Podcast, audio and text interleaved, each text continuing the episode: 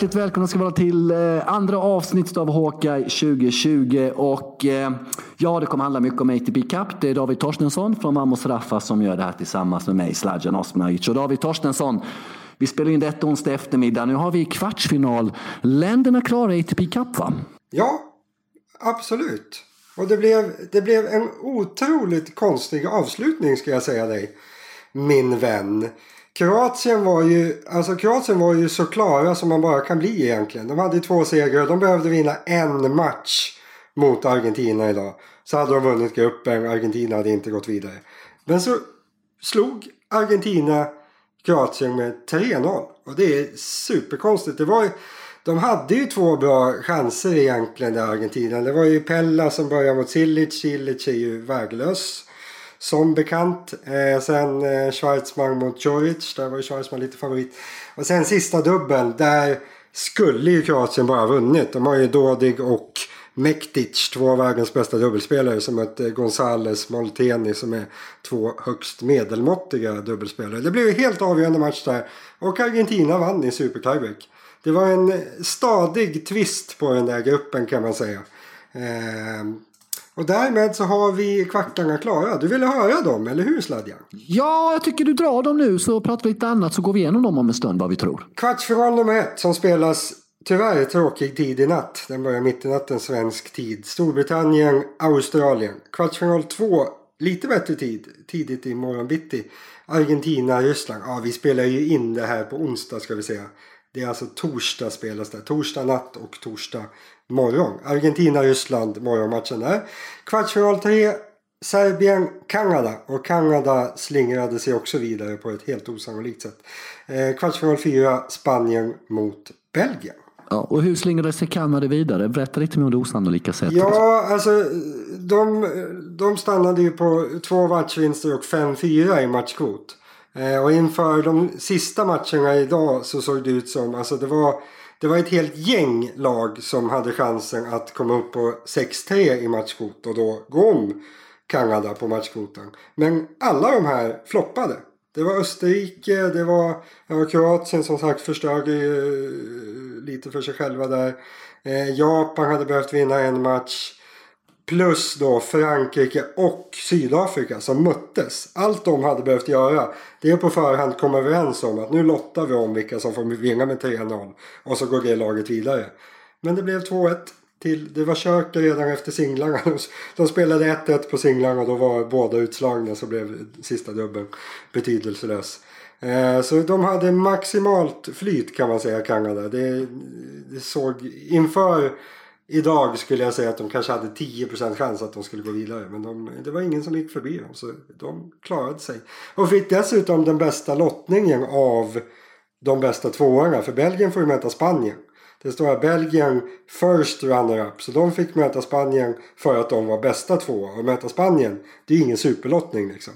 Och eh, Kanada som second runner-up får möta Serbien. Som för Kanada är en jättebra lottning. För de kommer slå Serbien. Det passar dem helt perfekt. För de har en relativt säker match mot eh, serbernas tvåa Lajovic. Lajovic dålig på hardcourt och så vidare. Och så vinner de dubbeln. Så Kanada kommer gå vidare till eh, semi dessutom. Vi går in lite mer på kvarten om en stund David. Eh, och eh, berätta lite grann då efter gruppspelet. Då, 24 lag har luftat, sex grupper. Dina intryck, det spelas i tre olika städer som ni alla vet för det här laget. Perth, Brisbane och Sydney. Slutspelet i Sydney. Eh, jag har inte sett lika mycket som du. Mina egna intryck är att det är lite upp och lite ner. Eh, man saknar ju en del spelare och sådär. Men generellt sett så känns det jävligt mysig och trevlig att titta på när man väl kommer in i det tidsmässigt. Om man har en eftermiddag ledig. Så det här, de här nattmanglingarna är ju lite knepiga för oss. Vad känner du efter gruppspelet? Nej men det har ju gått jättebra. Man jämför ju givetvis med Davis Cup i höstas. Det är ju en självklarhet. Det är ju nästan, ja, nästan exakt samma grej man försöker göra. Eh, med gruppspel under en dryg vecka och så ska man ta fram ett lag som blir bäst. Så det är ju väldigt lätt att jämföra med den. Och det var ju som ni minns, det var ju Kalankas Kalanka liksom. Det var ju så dåligt så, så klockorna stannade liksom. Det här har faktiskt varit väldigt bra. Det har varit väldigt bra kvalitet på matcherna. Eh, men ännu mer, allt runt omkring har ju varit skitbra. Man har kunnat följa hur det, hur det går i grupperna, vilket är viktigt med det här lite bökiga systemet att ett par tvåor ska gå vidare. Men har man kunnat se hela tiden vilka som ligger bäst till hit och dit. Och... Nej men systemet har, har funkat väldigt bra. Sen är ju det här som jag tror vi nosade på lite på förhand. Du pratade lite om det. Att det fanns ju en del länder som inte borde vara med. Som var med. Som, alltså, som den här Spaniens grupp till exempel. Japan, Georgien och Uruguay. Japan kom tvåa där utan Nishikori. Eh, Georgien och Uruguay var ju inte så bra då. Så det var ju liksom en, två, tre, fyra, fem, sex, eh, sju länder i alla fall. Som, alltså det finns ganska många länder som egentligen är bättre än dem. Men det här systemet där allt baseras på landets högst rankade spelare gör att vissa länder kom med som verkligen inte borde vara med. Så det gjorde ju lite tråkigt. Man ska ju titta på kvalificeringssystemet tycker jag. Att man försöker få de bästa länderna istället för det här systemet med bara, eh, bara ettan som, som kvalificerar landet. Liksom. Men det är väl egentligen det enda jag har anmärka på. Annars tycker jag att det har varit superbra. Det här, ja, det krossar Davis Cup kan man säga. Det är liksom inte ens på samma nivå. Nej, det var också en tittarfråga. Tittarfråga, nu är vi i bild helt plötsligt. Lyssnarfråga eh, från Zlatila Terek. Eh, jämföra Davis Cup med Labour Cup. Alltså det är förvirringens år som har inlett med, med ATP Cup. Men det, det, går ju inte att göra det till en turnering riktigt i och med att det är två olika intressen och två olika organisationer. Internationella tennisförbundet genom, eh, genom Pikés Cosmos Tennis Group eller vad det nu kallas och ATP här då som svarar upp med det här då. Och det intressanta är det du nämnde att man har kunnat följa realtid vilka som är de två bästa gruppträna. Det är ju oerhört hur mycket ATP Cup utklassar Davis Cup på webben. Ja, och det är ganska viktigt nu för tiden, är det inte det? Liksom? Alltså, både, för, både för mig som följer liksom otroligt nära. Jag, jag gör ju ingenting annat än att följa tennisen. Liksom. Men jag kan ju inte sitta och hålla reda på det här själv i alla fall. Det är inte så att jag... Jag sitter inte med papper och penna och för tabeller överlag. Som jag egentligen hade behövt göra under Davis Cup. För de klarade mm. ju inte av att hålla igång. De hade ju liksom en hemsida helt utan verktyg för statistik egentligen. De la ju bara upp liksom, ja, men nu slog Storbritannien Belgien med 2-1 typ. Men de hade, de hade liksom inga fungerande tabeller eller något sånt där riktigt. Utan allting, det kändes som de gjorde liksom allting manuellt och det, det funkade inte överhuvudtaget. Det här är ju det här är ju proffsigt gjort ATP Cup. De har ju liksom ATPs hela struktur att använda sig av. Och jag tycker precis som jag anade lite när Davis Cup såldes till Piqué och hans kompisar här. Att det kändes ju som alltså, alltså det var nästan så att jag tror att de klurade på ja, men antingen säljer vi Davis Cup eller så lägger vi ner Davis Cup. För förmodligen hade de ju på känn att ATP kommer att starta upp det här. Och då kommer inte vår Davis Cup funka. För då kommer liksom ATP, de kommer döda oss liksom. kommer äta upp oss. Så det känns lite grann som att den här investeringsgruppen som köpte Davis Cup. Jag tror inte de riktigt hade koll på vad de köpte för någonting. För det, där, det som är Davis Cup nu, det som går sista veckan under säsongen. Alltså, det kommer bli liksom som det femte största världsmästarbältet i tungviktsboxning. Liksom, ganska snabbt tror jag. Ingen kommer riktigt bry sig om det här. För det är det här som är det nya VM i tennis.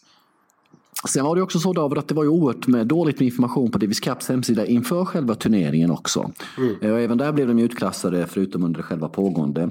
Du, eh, du ska strax lista de tre bästa matcherna du har sett under ATP Cup. Men innan dess David så tar jag mig fräckheten och listar, eller nämner fem tränare, förbundskapten som gjort intryck på mig på, under, på olika sätt under ATP Cups ja, den vecka det har pågått hittills. Då, då. Det här blir och det är då. Gilles Simon. Ja, Kör. Gilles Simon börjar vi med då som inte har som fort, han är med, han är en av spelarna i truppen men även då förbundskapten för, de här, eh, för det franska laget. Och av de tränarna vi har sett då förbundskapten under ATP Cup så måste jag säga att han eh, är ju närmast spelarna har man ju känt av olika anledningar. Men han har en sån skön stil tycker jag. Han är väldigt avslappnad, ändå fokuserad och liksom kommer med såna sköna rörelser med händerna ibland eh, utan att säga någonting när de sitter bredvid. Som, jag tror inte någon fattar vad han menar egentligen, men det känns ändå jävligt proffsigt att titta på det och, och se på det när han gör det. Sen har vi då hans motsvarighet kan man säga i den här skalan. Motsats det menar liksom... du? Inte motsvarighet Sladja? Nej, motsats i motsats. den andra skalan ja. då. Motsats, ja. Eh, eh, då liksom om eh, Gilles Simon är ett så är den här hundra eller tvärtom. Och det är Boris Becker då. då. Eh, Vi vet ju att Boris haft det ganska tungt på slutet och försatt i personlig konkurs och massa tråkigheter, skilt sig från sin holländska fru och allt det här. Och många unga har 72 unga med 68 olika fruar. Nej, nu var jag elak, men du vet, eh, massa tråkigheter. Ja, det är stökigt för Boris, det är det. Han, han känns stökig nu för tiden. Någonstans tycker jag att eh, det har varit skönt att slippa se hans enorma påse under ögonen. Den här enorma magen han har och att han är helt off under matcherna. Eh, det är knappt någon dialog med Struff eller Zverev. Han, han bara sitter där och ser borta ut alltså. Eh, jag tycker inte det ser så jävla fräscht ut i ärlighetens namn. Så det hade jag gärna sluppit om jag ska vara ärlig. Så vi får hoppas på Mikael Stitch till, eh, till nästa gång. Vad ska man göra med Boris då? Ska man bara gräva ner honom? Men liksom, jag, jag får känslan att du tycker inte att Boris får finnas till? Eller liksom vad, Nej, nej, det är inte så. Det är inte riktigt så. Utan eh, det bästa vore för, för, om vi ser till, om vi ska vara lite seriösa, till Boris människan. Att han kommer på fötter igen och ja, kanske någonting som ser ut att vara en friskare livsstil och så vidare och så vidare och så vidare. Eh, på något sätt blir du kanske lite freakshow i slutändan och exponera honom när han inte mår så bra. Om du är med, om du är med på vad jag menar. Jag förstår vad du Så. menar. Och det är ganska uppenbart att han måste få in lite deg här och där och blaha blaha liksom. Och det är klart att han måste ta det här gigget i, utifrån hur han ser på det hela då va. Men han ser inte så jävla bekväm ut när han sitter där. Och jag tycker det är ganska påtagligt. Och det är bara det som stör mig att han är så icke-bekväm. Men vad tror, tror du att det var Zverev som valde honom? Eller hur tror du det där gick? Det är alltså stökigt det där med valen av förbundskaptener. Det ska ju vara så. Sen vet inte jag hur Sverre har resonerat. Sverre är väl fortfarande tränarlös om jag har förstått det hela rätt. Han har ju sin eh, fitness trainer, han eh, som körde Murray innan där på plats liksom i Australien. Eh, så det kanske var ett kommersiellt och poppis val liksom, eh, att ta honom. Jag vet inte hur Beckers popularitet är i Tyskland och om hans stjärna dalat här, den har jag ingen totalkoll på. Men vi får hoppas att det går bättre för Becker. Nu pratar vi inte om honom mer utan vi går in på Leighton Hewitt, Australiens förbundskapten, som också är störtskön och avslappnad där vid sidan. Liksom, och, han ser ut att må jävligt bra, ser ut att tycka om det väldigt mycket måste jag säga. Tycker du inte Ja. det? Att han ser ut att njuta av det lite där? Jo, men alltså Hewitt känns väl som... Han skulle hamna ganska högt upp tror jag. Om jag det är sjukt svårt att lista tennistränare. För man vet ju inte vad de gör. Liksom. Det är helt omöjligt att, att på ett ärligt sätt bedöma dem. Det blir ju bara efter resultaten på, för deras spelare. Men det känns som när, när Hewitt sitter där. Eh, som han gjort under Davis Cup och han sitter där nu. Alltså, Nej men han känns som en bra, en bra tränare, en bra coach. Och han var ju väldigt taktisk som spelare också så det är ingen skräll om han är en, en eh, bra tränare slash coach nu. Så Hewitt bra. Gillar Hewitt. Han ser ut, Hewitt ser ut att intresserad av vad som pågår på plan i väldigt mycket större skala än nummer fyra på listan. Nästa person då som är ah, en jävla tung spelare var hon ju en gång i tiden. Safin, Marat Safin. Jag vet inte om du har noterat det. Så fort spelarna Medvedev eller dubbelkillarna eller, eller, eller Kashanov kom och sätter sig då, då och när Safin fattar att han är i bild va. Så liksom exponerar han sina armbågar. Han har ett par rejält fula tatueringar som man gillar liksom visa upp i bild ganska mycket. Nästan så att han posar mer än att han liksom undrar hur Medvedev och Kashanov hur de har det på banan. Ja. Ja, det verkar ju spännande. Jag har sett väldigt lite av ryssarna faktiskt. Men jag får, jag får ta det som ett, ett fakta här. Att Safin har mest ägnat sig... Arm, vem fan har armbågstatueringar? Vad är det för någonting han har? Ja, men framförallt män i hans ålder ska ju inte behöva gå och skaffa sig Men det i den här åldern. han får väl... Nej, det låter konstigt. Jag får titta på det där. Men oavsett det har han ett jävla tillgång till ett jävla bra lag eller till två jäkligt bra singelspelare som kan verkligen gå långt i den här turneringen. Och på plats nummer fem David. Belgiens förbundskapten som du hypade upp alldeles nyss. Som trocklar sig vidare på något konstigt sätt. Nej, eller inte så konstigt kanske. Tompa Johansson, din gamle vän. Och jag ställde en fråga till dig i morse när vi spånade lite vad vi skulle prata om. Då, som du vägrade svara på. Du tyckte jag var elak. Till och med när jag ställde den frågan till dig. Kommer du ihåg vilken fråga det var? Nej, berätta för mig. Hur många kilo som skiljer på Tompa idag kontra när han spelade final i Australian Open i Men början på fy vad elakt. Man måste väl få äta lite efter att man har slutat, eller? Ska du sitta Ja, och ta sig- fettmobba folk? Nej, det gör jag inte. Jag, jag Ska du fettmobba mig fettmobbning. sladden? Gör det! Säg att jag är tjock bara. Gör det. Säg det, säg det. Nej, men du. Nej, jag säger inte att Tompa är tjock. Utan jag ställde en fråga, retorisk fråga. Hur många kilon skiljer Tompa idag kontra när han spelade i US Open-final? vad kan det 01 eller vara? 02 eller 00? Tio? Är det tio? Nej, jag tror det kan vara lite mer. Eh, nog om det. Nu känner jag att jag har varit elak. Det har känts som och- man har suttit och kliat sig lite i huvudet i alla fall under matcherna. Det har varit eh, stökigt för Belgien, men de gick vidare till slut. De klart. gjorde det. Du, de tre bästa matcherna, singelmatcherna som du har sett i ATP Cup hittills, vilka är det? Ja, alltså jag har inte sett alla ska man väl börja med att säga. Det är många som har gått under. De som har börjat ja, liksom 12 på nätterna, de har jag inte, de har jag inte sett. Så det är en ganska ja, subjektiv. Jag har liksom, jag tar av dem jag minns lite. Då minns jag, jag minns Evans Goffin väldigt väl. För han spelar så bra där Evans. Sen spelade, mm. Goffin spelade honom i händerna också. Men det är sällan man ser en spelare spela helt perfekt. Men det gjorde ju faktiskt eh, Evans i den där matchen. Det, det, det, får man ju säga var någonting lite trevligt. Han, var, han gjorde en helt perfekt match och det gör ju att det fastnar lite. I, viktig match också. Det var väl den som avgjorde den där gruppen lite grann skulle man kunna säga. Eh, sen mm. självklart den bästa matchen som spelades i gruppspelet. Det måste det vara även om jag inte har sett alla. Eh, och när man sammanfattar säsongen tror jag faktiskt Nej, jag tror den kommer landa topp 10. Alltså Kyrgios eh, Tsitsipas, det var en helt enorm match. Du såg också den sladjan. Visst, yes, visst var de ganska bra? jag kom hem till den. Så mm. det kändes ju ganska gött. Berätta, berätta mer. Det var ju ganska dramatiskt. Ja, alltså det, det mest intressanta där är väl tycker jag att det var helt jämnt. Alltså mm. tre set helt 100% jämnt. Kyrgios kämpade. Ja, men han gick för fullt skulle man kunna säga. Han försökte vinna så mycket han kunde. Alltså, det är ju intressant för det är alltid svårt att placera in Kyrgios hur bra han är. För man får ju alltid gissa lite grann man, eftersom man aldrig kämpar liksom. Men nu fick vi ett ganska, ganska tydligt liksom svart på vitt. Hur bra är Kyrgios? Ja, han är lika bra som Tsitsipas när han försöker. Så han är väl där 4, 5, 6 i världen, Kyrgios, om han kämpar och försöker. Vilket han aldrig kommer kunna göra alla matcher. Men när han försöker, då är han liksom, han är lika bra som Tsitsipas. Det är intressant. Kul avslutande tiebreak där. Att, var mm. intressant att se att Tsitsipas som alltid är så otroligt bra i de här avgörande lägena.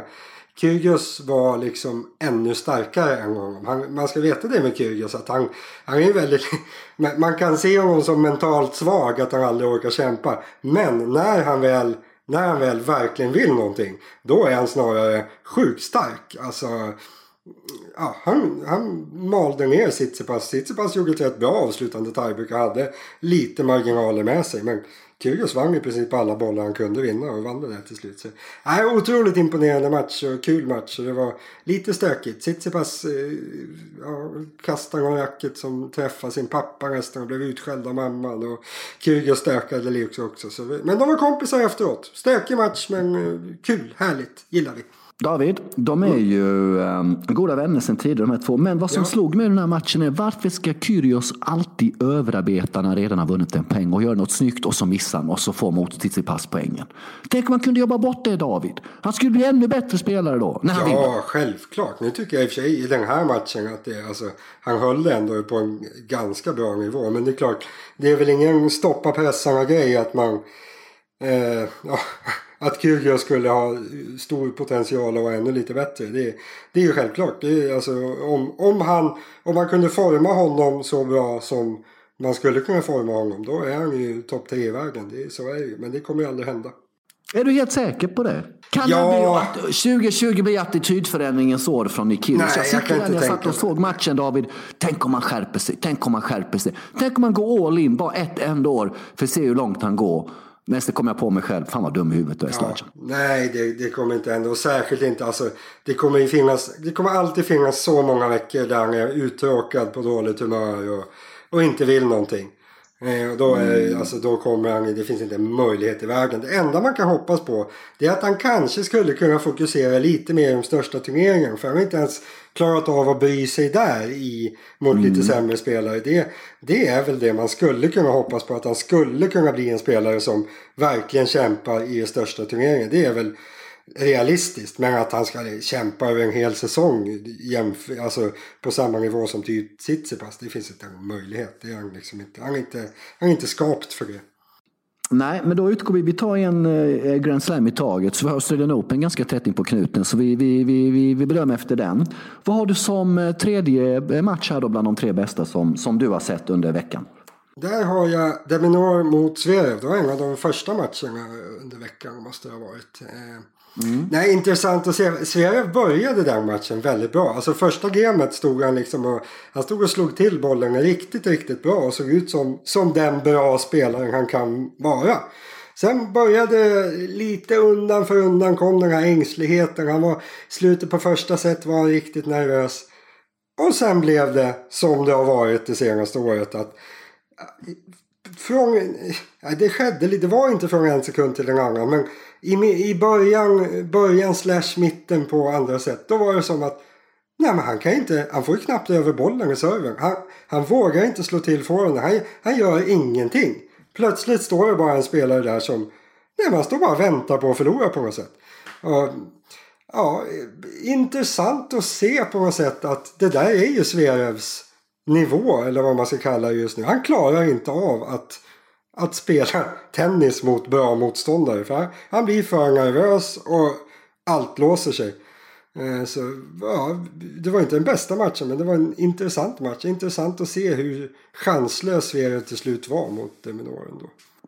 Mycket mentalt jobb framför Sverev låter det som fortfarande. Vi trodde att det skulle bli lite bättre när det hade lugnat ner sig med liksom att han har skaffat agentur i form av Rogers agentur och det här bråket med förra agenten håller väl på att få någon uppstyrning nu också. Men det, och ny flickvän han också, men det verkar fortfarande vara någonting som spökar för honom. Ja, nej, det, alltså det är som att han är på en tioåringsnivå lite grann. Att när, när han vill någonting för mycket då lyder inte kroppen honom. Liksom. Han, han, han, han försöker ju slå in andra servrarna. Det är inte så att han försöker slå rörelsen i slow motion så att bollen knappt kommer fram till nätet. Men det blir ju något kopplingsfel där som ni som spelar golf har haft problem med korta puttar. Ni vet att ni försöker slå till bollen ordentligt rakt men istället rycker man till. Det är, liksom, det är precis det, det syndromet att man vet vad man ska göra men man klarar inte av det. Och det där, alltså det finns ju spelare inom andra idrotter och inom tennisen som aldrig har blivit av med det där. Det finns ju tennisspelare som har varit tvungna att lägga av på grund av sina serveproblem. Så Ja, alltså det känns som att han är ganska djupt ner i skiten ska jag säga. Däremot ska man också, det man ska veta med Sverige det är att när han möter sämre motståndare, sådana som han vet att han ska mm. och förmodligen kommer slå. Då uppstår inte de här problemen. För då hamnar han inte i lägen där han vill för mycket eller där han liksom blir för pressad. Så även om man kan tycka att han ser hemsk ut i en sån här match när han möter en riktigt bra motståndare. Han kommer alltid fortfarande vara rätt stabil när han möter spelare typ 30 vägen och neråt. Tror jag i alla fall. För det, det är det som gör att han fortfarande är rankad topp 10. Att han, han har ju, trots alla sina problem, så har han varit ganska stabil på att hålla sina bra sidningar och allt det här. Så alltså han, han är ju liksom inte på väg att rasa på det sättet. Men det känns ju inte riktigt aktuellt att Zverev ska vara ett Grand Slam-hot nu med den här mentala balansen. Du åter, har du sett någon bra dubbelmatch under ATP Cup då? Eller någon dramatiskt spännande? Något som har för, för, överraskat dig? Det jag kommer ihåg det var väl att du pratade, du pratade dubbel Sladjan. Mm. Du pratade dubbel och du pratade Serbien-Frankrike. Ja, jag kom hem lagom den dubben. Vet man smiter från kontoret i, i hyfsad tid så man kan se avslutningen. Ska du väl inte säga här att du smiter? Va?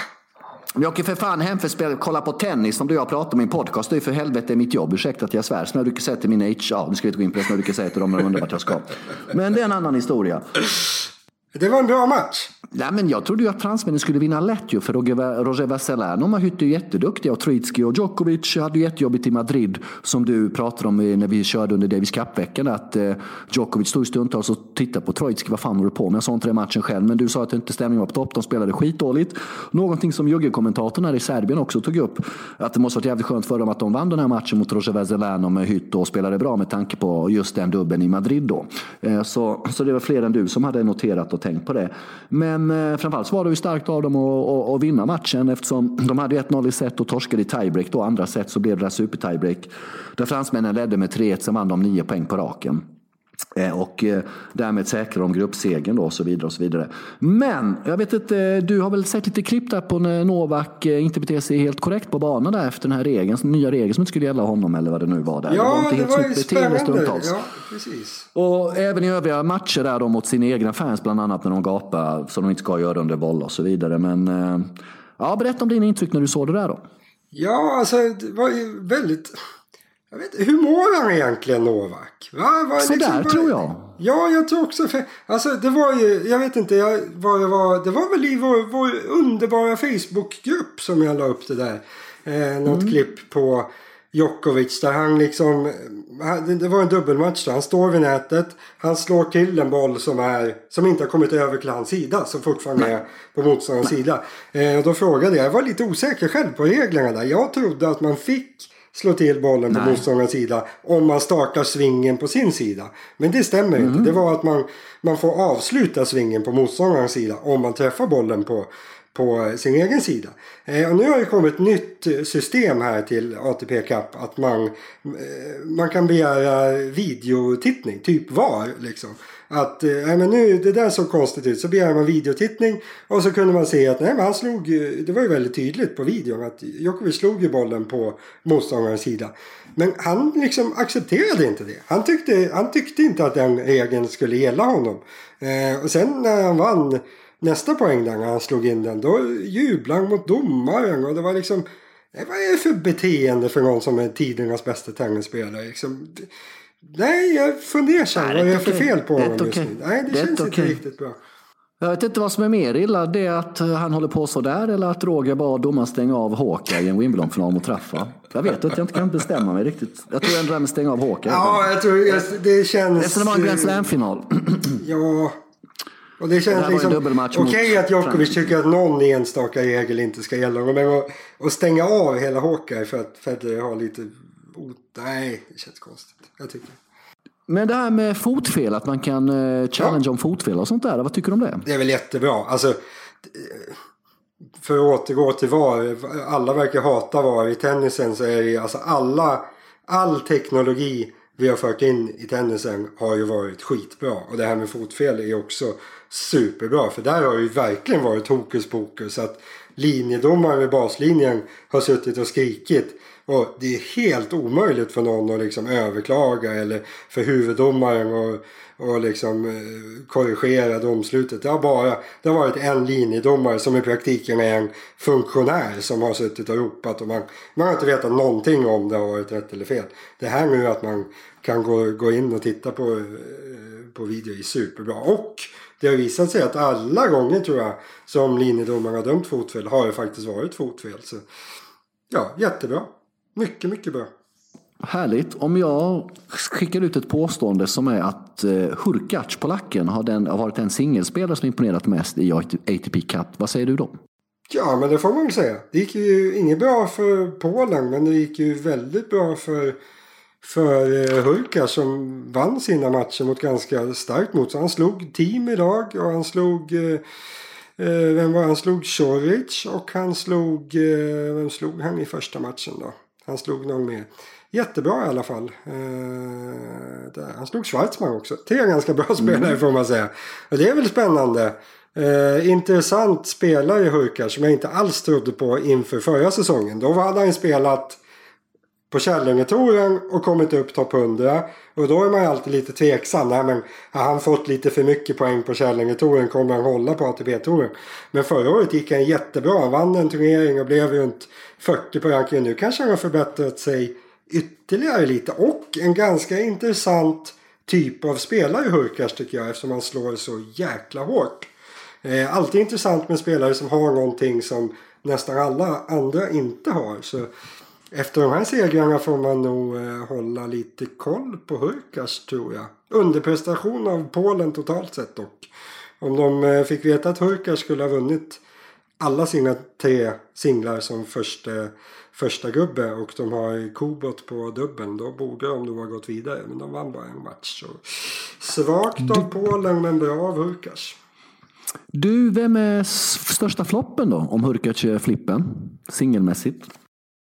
Största flopp i samma grupp, team. Alltså mm. två torsk och en vinst för team som nu ska bygga vidare på sin förbättrade Ja, men sitt förbättrade hardcourt-spel från slutet av förra året. Det här är ju ingenting som övertygar alls. Att torska mot eh, Hurkacz och var det han torskade mot också. Det är... Nej. svagt mm. av team och såg inte bra ut alls. Eh, går lite snabbt för honom i Australien kanske. Nej, han har mm. svagt av team. Han får, eh, och flopp av Österrike. De borde verkligen ha gått vidare med tanke på hur de övriga gruppen spelade. Så nej, dåligt, dåligt, dåligt. Okej David, då noterar vi det då. Dominic Team. Han är lite ojämn den här jäkeln. Då. Det har vi pratat om förut. Det kommer vi säkert återkomma till eh, under 2020. Är Australien det lag som imponerat mest eh, under gruppspelet? Ja, men det är, väl, det är väl bara att säga ett rakt ja på det egentligen. Det, det är ingen, ingen anledning att utveckla. De imponerade. De var, de var bäst i gruppen. Är det en risk för att de kommer göra en Sverige i junior-VM i hockey? Det vill säga imponera, ja skrattar du, men det är något som, som har plågat mig i ett ganska många år. Och nu får jag äntligen en anledning att prata om det i offentligheten. Eh, och ni har ju inte följt hockey-VM, junior-hockey-VM så här på, på vintern. Då. Men du ska ändå prata om det! Ja, men jag läser ju tidningen och allting och så vidare. Jag hör ju vad folk skriver, ser vad folk skriver på Twitter och hit och dit. Det är det här. Vi att man firar bronsplatser så jävla... När ska, vi, när ska vi prata om varför vi inte vinner JVM, hockey-VM oftare? Varför pratar vi aldrig om det? För att vi, vi inte är så jävla bra. Vi är ju görbra. Vi blir, vi är bra varje år. Vi får fram hur många unga spelare som helst. Liksom. Men vi vinner. Vi har vunnit en gång när han Sabiniad avgjorde där borta i Kanada. Mitt i natten var helt fantastiskt. Eh, jag kommer fortfarande ihåg Chris Härenstams glädje. Eh, som kändes äkta då. Eh, men, men, men, men, men, men. Så där tycker jag liksom att... Så du menar att Australien de vann gruppen men det kommer gå åt helvete nu? Va? Nej, det, menar jag inte. Det var, bara, det var bara en feg, det var en feg ursäkt för mig att få komma in och prata JVM i hockey bakom din rygg dessutom. Ja. Jag håller med. Jag förstår ja, inte varför det skulle, skulle... De hade ju inget bra lag i sin grupp. Alla andra bra lag var i den andra gruppen och sen fick de stryk. Så blev det. Det skulle mm. alla veta. Ja, nej, men det föll väl ganska platt det här JVM-snacket i hockey då. Men håller du med mig om att vi är lite för kravlösa då? Liksom? För att vi har jättebra JVM-hockeyspelare men vi vill sällan. Och det här grattis till bronset, grattis till bronset, grattis till bronset. Vilken just, prestation, vilken just prestation. grattis till brons, där, det skulle vi kunna sitta och prata en hel, en hel dag om. Jag tycker att det där är ja. så jävla dumt. Och det gäller även OS och allting. Alltså, antingen så vinner man eller så vinner man inte. Och då kan det finnas Alltså man kan vara nära att vinna och det är ju lite bättre. Alltså går du till final och du torskar, ja men skitbra, du torskar sista matchen. Men kommer du trea, fyra eller femma. Varför sladdjan min vän är det så jävla speciellt att komma trea i någonting? Är det den här känslan från när man var fem år gammal och fick ett diplom för att springa runt parken? Jag, jag, jag kan inte förstå varför det är så fruktansvärt fint att vinna ett brons jämfört med att komma fyra. Det är liksom, det enda förklaringen det är att man får ett pris. Du får ett pris. Och vad fan är skillnaden? Det hade varit precis lika fantastiskt, tycker jag, om Sverige hade torskat bronsmatchen i VM 94. De gick till semi, helt fantastiskt. Men bronsmedalj eller inte, alltså vem fan bryr sig om man får pris eller inte? Dumheter. Ja, jag kan, eh, man kan ha lite olika nivåer på diskussion. Jag menar liksom i ett fotbollssammanhang där det är väldigt ovanligt att vi tar då medalj i ett VM. Vi har, vi har ett silver från 58, vi har ett brons från 50. Vad är det med eh, medalj som är så speciellt? Antingen vinner du eller så gör du Jo, men jag försöker förklara det David, att det kanske kan bero på, jag, försöker, jag kan hitta lite olika nivåer på det. Och dels att i ett fotbolls-VM-sammanhang kanske det betyder lite mer. I ett JVM-hockeysammanhang där det är fyra, fem länder som har chans på medalj varje år och Sverige tar medalj i princip varenda jäkla år men vinner aldrig guld. Varifrån kommer grattis till bronset då? Var ligger den prestationen? I det fallet menar jag, där vi är så jäkla bra och dominerande, ska inte vi nöja oss med tredje, fjärde och femte platser som linje på, utan en första plats. Vi ska slå Kanada, vi ska slå ryssarna, vi ska slå jänkarna, vi ska slå finnarna. Punkt slut. Och tjeckerna kan vi inte, det är de sex länderna som kan vinna. Men i fotbolls-VM där vi är Ja men det kan trea vara jättebra sladden. Men varför just brons så speciellt? Trea är ju bättre än fyra. Men jag pratar om det här Ja men det är ju medaljen. Det är medaljen. Ja men medaljen. Ja. Vi kommer inte ja, Det var så knepigt så jag måste dricka, dricka. Jag tror att vi är nästan överens men ändå inte. Du okej, okay. Eh, vi tippar kvartsfinalerna här då och eh, vilka går vidare? Vilka fyra lag spelar semifinal tror du då? Eh, lite grann. Spåna här. Ja. Eh, Vi har en del första... riktiga nötknäckare här alltså. Ja, jag tror att jag ska kunna få ihop det här ganska bra. Storbritannien och mm. Australien. Där handlar ju allt om Ja, den är ju natt så den kommer i och för sig att spelats när folk hör det här så vi raskar av yes. den snabbt. Men Kyrgios har ju vikt ner sig och stått över matcher i ganska stor utsträckning i lagsammanhang när det verkligen har gällt. Spelar han den här matchen då, då vinner Australien. För Deminor slår Evans och Kyrgios tar sin och sen blir det ingen dubbel. Eh, så de vinner. Argentina-Ryssland. Eh, ja, normalfallet ska ju Medvedev och Kachanov vinna sina matcher. Det är inte svårare än så. Är det någon som behöver vara orolig? Alltså Kachanov, Pella, Medvedev, eh, Nej, de tar det där och sen har de en fullt vettig chans i i dubbeln också. Så Ryssland kommer gå till semi. Serbien-Kanada. Det är ju en skitlottning för Serbien som sagt som jag tror att jag nosade på. De får inte ut så mycket mm. av att Djokovic slår Chapovalov där. För jag tror Felix, även om han har varit dålig den här veckan, så tror jag att han slår Lajovic. Eh, och sen dubbeln. Ja, de var ju ganska bra, Djokovic och Turkey, så det är en, eh, en öppen match. Men jag skulle säga att Chapovalov-Felix egentligen är ett bättre par. Så jag tror att Kanada vinner den, men den är sjukt tajt. Det blir en avgörande dubbel, högst troligt och väldigt öppet där. Eh, sen Spanien-Belgien. Det är ingen rolig matchup för Belgien. De har ju bara Goffin egentligen och de måste fira av honom mot Nadal där. Så, nej, det, det, det är helt tvärkört. Det krävs benbrott och grejer för att Spanien inte ska vinna. Så. Spanien vinner där. Den öppna matchen det är Serbien-Kanada. Den är eh, vidöppen. Ja, Sen, den... Eh, semifinalerna, det blir ju inte...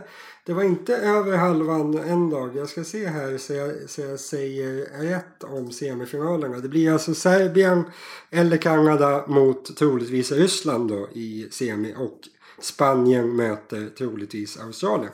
Spanien och Australien känns ju som en hyfsat kul match, eller vad säger du?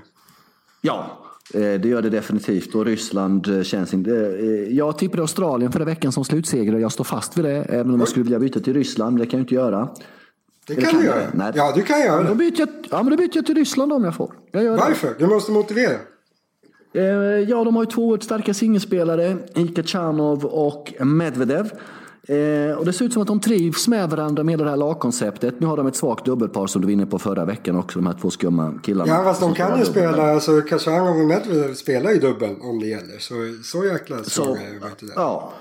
Och eh, nej, men då eh, blir mitt eh, case ännu tydligare. Jag tror på Ryssland lite grann här då. Eh, ja, eh, ja, det får du göra. är det svårt. Eh, jag antar att du säger Spanien. Det är ju det, är det naturliga. Nej, men det man ska säga där med, med Ryssland, det är faktiskt en full team. För jag tror att de slår Argentina. Och sen tror jag som sagt lite grann att Kanada slår Serbien. Och ska man spåna runt den matchen så är Kanada en väldigt trevlig motståndare för Ryssland. För mm. alltså Medvedev slår ju Chapovalov högst troligt, eller hur? Och Khachanov yes. lite bättre än Felix just nu. Så ja, bra finalchans på Ryssland, om det går som jag tror. Jag tror även Serbien är en ganska bra lottning för Ryssland. För Khachanov slår ju Lajovic och Medvedev vet vi kan ju slå Djokovic. Ja, det är avgörande dubbel där så det blir lite mindre marginaler för dem kanske. Ja. Jag tror att de är mm. tryggare på att slå Kanada. Men bra chans. Och jag som eh, du förstår, jag står ju kvar vid Spanien. Eh, jag tror att det blir Australien i semi för dem och det är ju en ganska bra matchup för dem. Australien. Kyrgios har väl bra chans att slå Bautista. Det är väl, han är väl lite mm. favorit kanske om han, om han kämpar. Eh, men sen Spanien verkar ju köra Nadal i dubbel när, när det bränner. Och han och Lopez mot de här dubbelspecialisterna eh, Australien har som inte. Nej, jag, jag, tror att Spanien löser det där. Så luktar final. Spanien, vi, våra länder i final där ja. Spanien-Ryssland. Ja, det är en drömfinal hoppas Så får vi se med Raffa igen då. Mm, okay. Du, eh, vad hände i Doha? Samtidigt i öknen i Doha har då Tsonga, Rublev och Krajinovic gnällt lite granna. Ja. Det är som att de hellre, de kanske hellre var i Australien än i Doha får man intryck av. Ja, jag, jag, jag fick faktiskt aldrig riktigt ordning på vad det var. Men de känner sig lite utskuffade av ATP Cup på något sätt. För att de i så fall skulle behöva vara tredje spelare där. Att de inte skulle få spela. Jag, jag, jag fick, det, var, det var bara en massa lösa uttalanden. De hade liksom gaddat ihop sig och sagt att Nej men det här är jättetråkigt. Vi fick inte vara med i ATP Cup. Fast de får ju vara det. Det är bara det att de skulle kanske få sitta och nöta lite bänken någon match. Jag förstod inte. Fick du någon ordning på det där? Nej, men det var väl lite så att de, eh, de ville ha kakan och äta den. Men eh, jag menar, för det första då så är det ju liksom ett rankingsystem som säger att eh, Krajinovic är trea i Serbien och Tsong är trea i Frankrike och Rublev är trea i Ryssland liksom. Och, ja, alla kan liksom, få har man, liksom. Har man, är man argentinsk fotbollsspelare och forward får man kanske räkna med att man får sitta på bänken ibland om man inte är bäst. Alltså, Nej, jag tycker det låter väldigt konstigt att man skulle gnälla över formatet på något sätt. Att man, man nej, det, låter inte så smart. Vi tar oss friheten David här i Håke att gnälla på de som gnäller. Men vi gnäller inte själva, eller hur? Aldrig! Vi ska aldrig gnälla på någonting, någonsin. Nej men det har väl inte hänt så mycket i Doha. Alltså det har tuffat på. De Wawrinka höll på. Hade lite problem med med Chardy men det var väl ingen större fara egentligen. Rublev slog, han slog väl Kukushkin idag tror jag. Eh, jag såg inte klart matchen. Och, nej, det har inte hänt så mycket faktiskt. Det, de är inte framme vid, vid eh, kvartar där än riktigt. Och, nej, det finns ingenting att säga. Det har inte hänt något av värde. Och Mikael Ymer kvalade in och fick stryk. Det är väl det. Han, han eh, mm. höll på att torska mot Davidovic i kvalet. Vilket hade varit lite oroväckande skulle jag säga. Davidovic är väl han är rankad topp 100. Jag tycker inte att han är riktigt så bra. Eh, han var väldigt stort underläge där och kom tillbaka i men vilket är bra gjort. Men han borde slå honom enklare. Och sen eh, ja, stryk mot Bedene i första omgången. Ingen inget att skämmas över. Men alltså vill man att han ska etablera sig och bli en bra ATP-spelare då är ju Bedeni absolut en spelare han ska börja slå. Så det var väl egentligen helt okej okay att kvala in men, men eh, mer blev det inte. Ska vi dra svensk specialen här också förresten? Att Elias Ymer torskade i första matchen i Challengen i Ja, det var inte Canberra. Den flyttades på grund av branden till något annat ställe. Men i Australien i alla fall. Torskade mot Petrovic. Och det vet inte du vem det är Sladjan. Nej, jag ska inte berätta för dig här nu att han är riktigt, riktigt, riktigt dålig. alltså han är, han, är, han är två meter lång. Eh, servar inte jättebra. Och är sen ganska osäker. Så det är dålig, eh, dålig säsongstart för Ymer som ligger lite skrynkligt till. Alltså han är på väg att åka ut från topp 200 nu. Storebror Ymer. Så, nej, mm. Han bör komma igång snart om det ska se bra ut. Vem spelar Petrovic för? Vilket land representerar han? Han är serb tror jag. Okay, okay. Du, vet du vem som är ett geni? Eh, Serbiens 27 rankade spelare liksom. Du, eh, varför ska jag ha koll på honom? Varför ska jag bo här? Blir det min plikt då menar du? Ja. Hade, hade Sverige haft en tennisspelare som var så bra som Petrovic hade jag definitivt haft. Nu, nu ska jag ge dig all information. Han bor i Belgrad Sladjan. Ni är säkert grannar. Rankad 167, Danilo Petrovic. 2,03 lång, 86 kilo. 27 år gammal. Vad vill du veta? Nej, jag har ingen adress tyvärr. Du får, jag väntar ni har säkert någon hitta.se i Serbien så du kan googla honom där. Så kan du gå hem och fråga. Hej, nu vill jag veta allt om dig. Nej, kan jag fråga dig en sak eller? Mm. Vet du vem som är ett geni? Inte på rak arm. Belinda Bencic. Hon då, Just vi pratade förra veckan om att Kyrgios och eh, Alex Dimanaur kommer då eh, och ATP, eh, personligen och ATP kommer då skänka, ATP skänker väl 100 dollar för varje service som gör ATP Cup till eh, offren av de olika anlagda skogsbränderna i Australien som eh, helt sjukt liksom, 24 personer arresterade för anlagda bränder. Fattar du? Hur sjukt är inte det? Varför, eh, vad, vad tycker sjukt. du är ett lämpligt straff för det Sladjan? Är det liksom, vad tycker du är ett lämpligt straff för något sånt? Liksom... Jag tycker vi kan ta den diskussionen någon annan gång. För låt oss avsluta med Bencic först. Och, vi, eh, eh, eh och då eh, jag skänker ATP 100 dollar per service Cup. Kyrgios skänker 250 dollar för varje S han gör under hela turneringen, liksom Dimanaur. Men Belinda Bencic slår inte så jävla många server, så vad ska hon erbjuda? Ja, då erbjuder hon 100 eller 200 dollar, kommer inte ihåg på rak arm, för varje dubbelfel hon gör. Och här kommer det genialiska med Belinda Bencic. Hon har även bjudit in Alexander Zverev efter detta. För han slår en jäkla massa dubbelfel. Hon är, är ju så cool så klockorna stannar. Ja, det är roligt. Ja, hur, hur, kommer han ta det? Kommer han, alltså, skrattar han åt sina problem du Sverige? Eller är det liksom lite känsligt det här? Kommer han, kommer han tycka att det är lite jobbigt tror du? Med tanke på att det handlar om pengar till eh, folk som blivit drabbade av de här skogsbränderna så borde han eh, bara liksom... Eh, ja, men jag menar själva grejen att någon driver lite med honom för dubbelfelen. Liksom. Jag vet inte, jag kan tänka mig att han är lite känslig kanske, att han knyter lite näven i fickan. Vet du vad jag tycker på det? Vet du vad jag tycker på det området, Sladja? Jag tycker att Djokovic, Nadal och Federer. De ska sätta sig i en soffa när de kommer till Melbourne. Och så ska de komma överens om att i den här turneringen tar inte vi emot några prispengar. Utan vi skickar allting direkt för att återuppbygga det som behöver återuppbyggas i landet. Kan de inte göra något sånt? Istället för att åka till långt bort i stan och spela en, en uppvisningsmatch där någon annan ska betala pengar till välgörenhet. Skulle de inte... Alltså vilken jävla grej det skulle bli om de gjorde det. Det blir ju... Ja, deras sammanlagda prispengar och sälja upp Det blir 30-40 miljoner om de går dit de ska. Det hade varit coolt. Hade det inte det?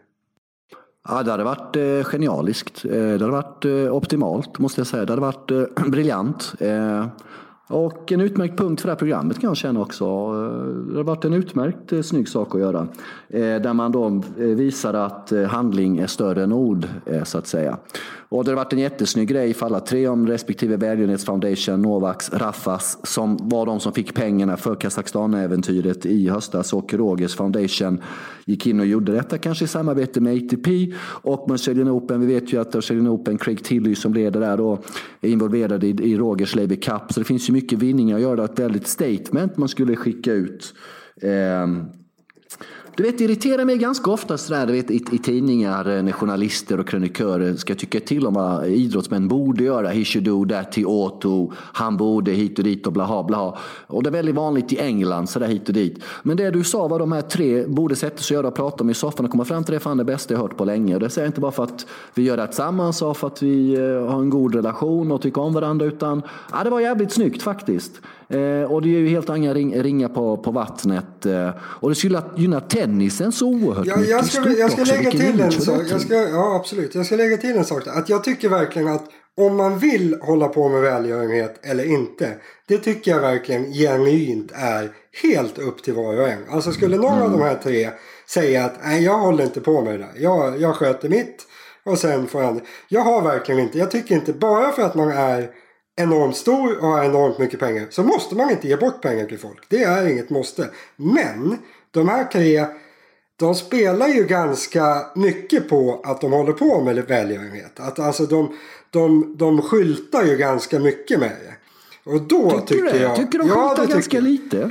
Ja, nej, nej det tycker inte jag. Jag tycker oftast pratar, pratas... Alltså jag ser i alla fall ofta grejer som har med deras foundations att göra.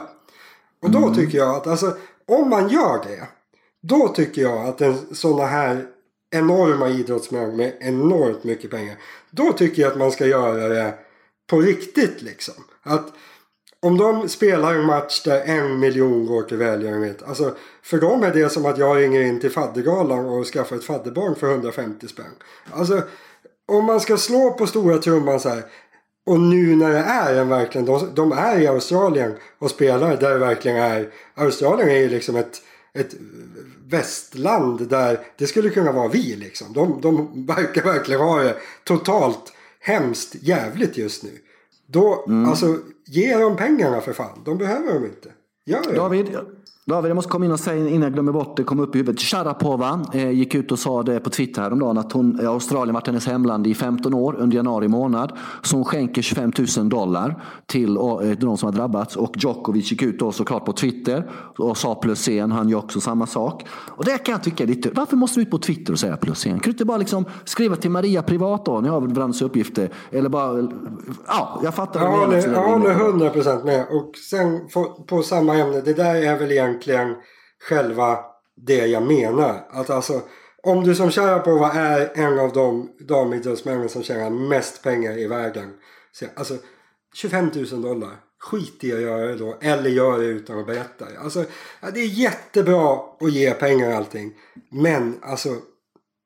Nej, nu känner jag att man kan hata mig för det. Då får man göra det i så fall. Men jag tycker att om man ska göra någonting sådär och liksom berätta det för folk och hoppas på och få cred för det.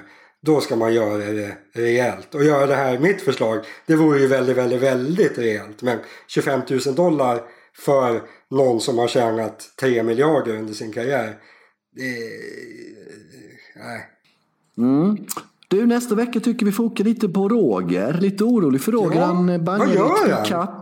Och det har ju varit en enorm saknad. Vi kan ju hylla ITP Cup hur mycket som helst. Men tänk om Roger och Schweiz har varit på plats med Stan och Roger. Vi behöver inte prata om det mer. Det har varit, undrar sett ut på läktaren hur mycket mer folk det har varit och så vidare och drag. Eh, det är jäkligt synd. Och eh, det blir också lite, vi får väl, eh, ja, lite tankar och frågor kring hans uppladdning inför Australian Open faktiskt. Det blir inte så himla mycket matcher. Eh, och tanke på att man kommer från ett säsongsuppehåll, modell kortare då. då så vi får hoppas att vi vet mer om Roger när vi spelar in nästa vecka. För det känns som det är lite dolt i dunkel just nu vad han ska göra fram till Australian Open. Så vi, nej, vi oroar oss lite för honom. Vi vill veta vad han gör. Och våra spioner i Dubai har inte hört av sig på, på flera månader. Man blir orolig vet du. Nej. Hårda bud. Vi tackar för den här veckan. Tack David. Tack till alla som har lyssnat. Håkaj, snabel och... Tack Betthag, våra kompisar som betalar för kalaset. Ja, jag tänkte säga det innan, efter e-postadressen är och hawkeye.betthard.com och odds och allting till ATP Cup hittar ni på, på, på, på Bethards hemsida. Och David, det kan bli så att i Auckland, Nya Zeeland, pågår just nu WTA-turnering. Kan bli så om Serena vinner sin match i kommande omgången som spelas i ja, när det nu spelas i natt, antar europeisk tid. Och Coco Gauff, Corey Gauff, vinner sin match. Ja, då möts de för första gången är det kvartsfinal i Auckland. Typ på fredag. Ja, eh, så nu vet vi det. Eh, och så är vi tillbaka då nästa vecka. Tack till alla som har lyssnat. Tack och hej David. Vi hörs av. Hej hej! hej.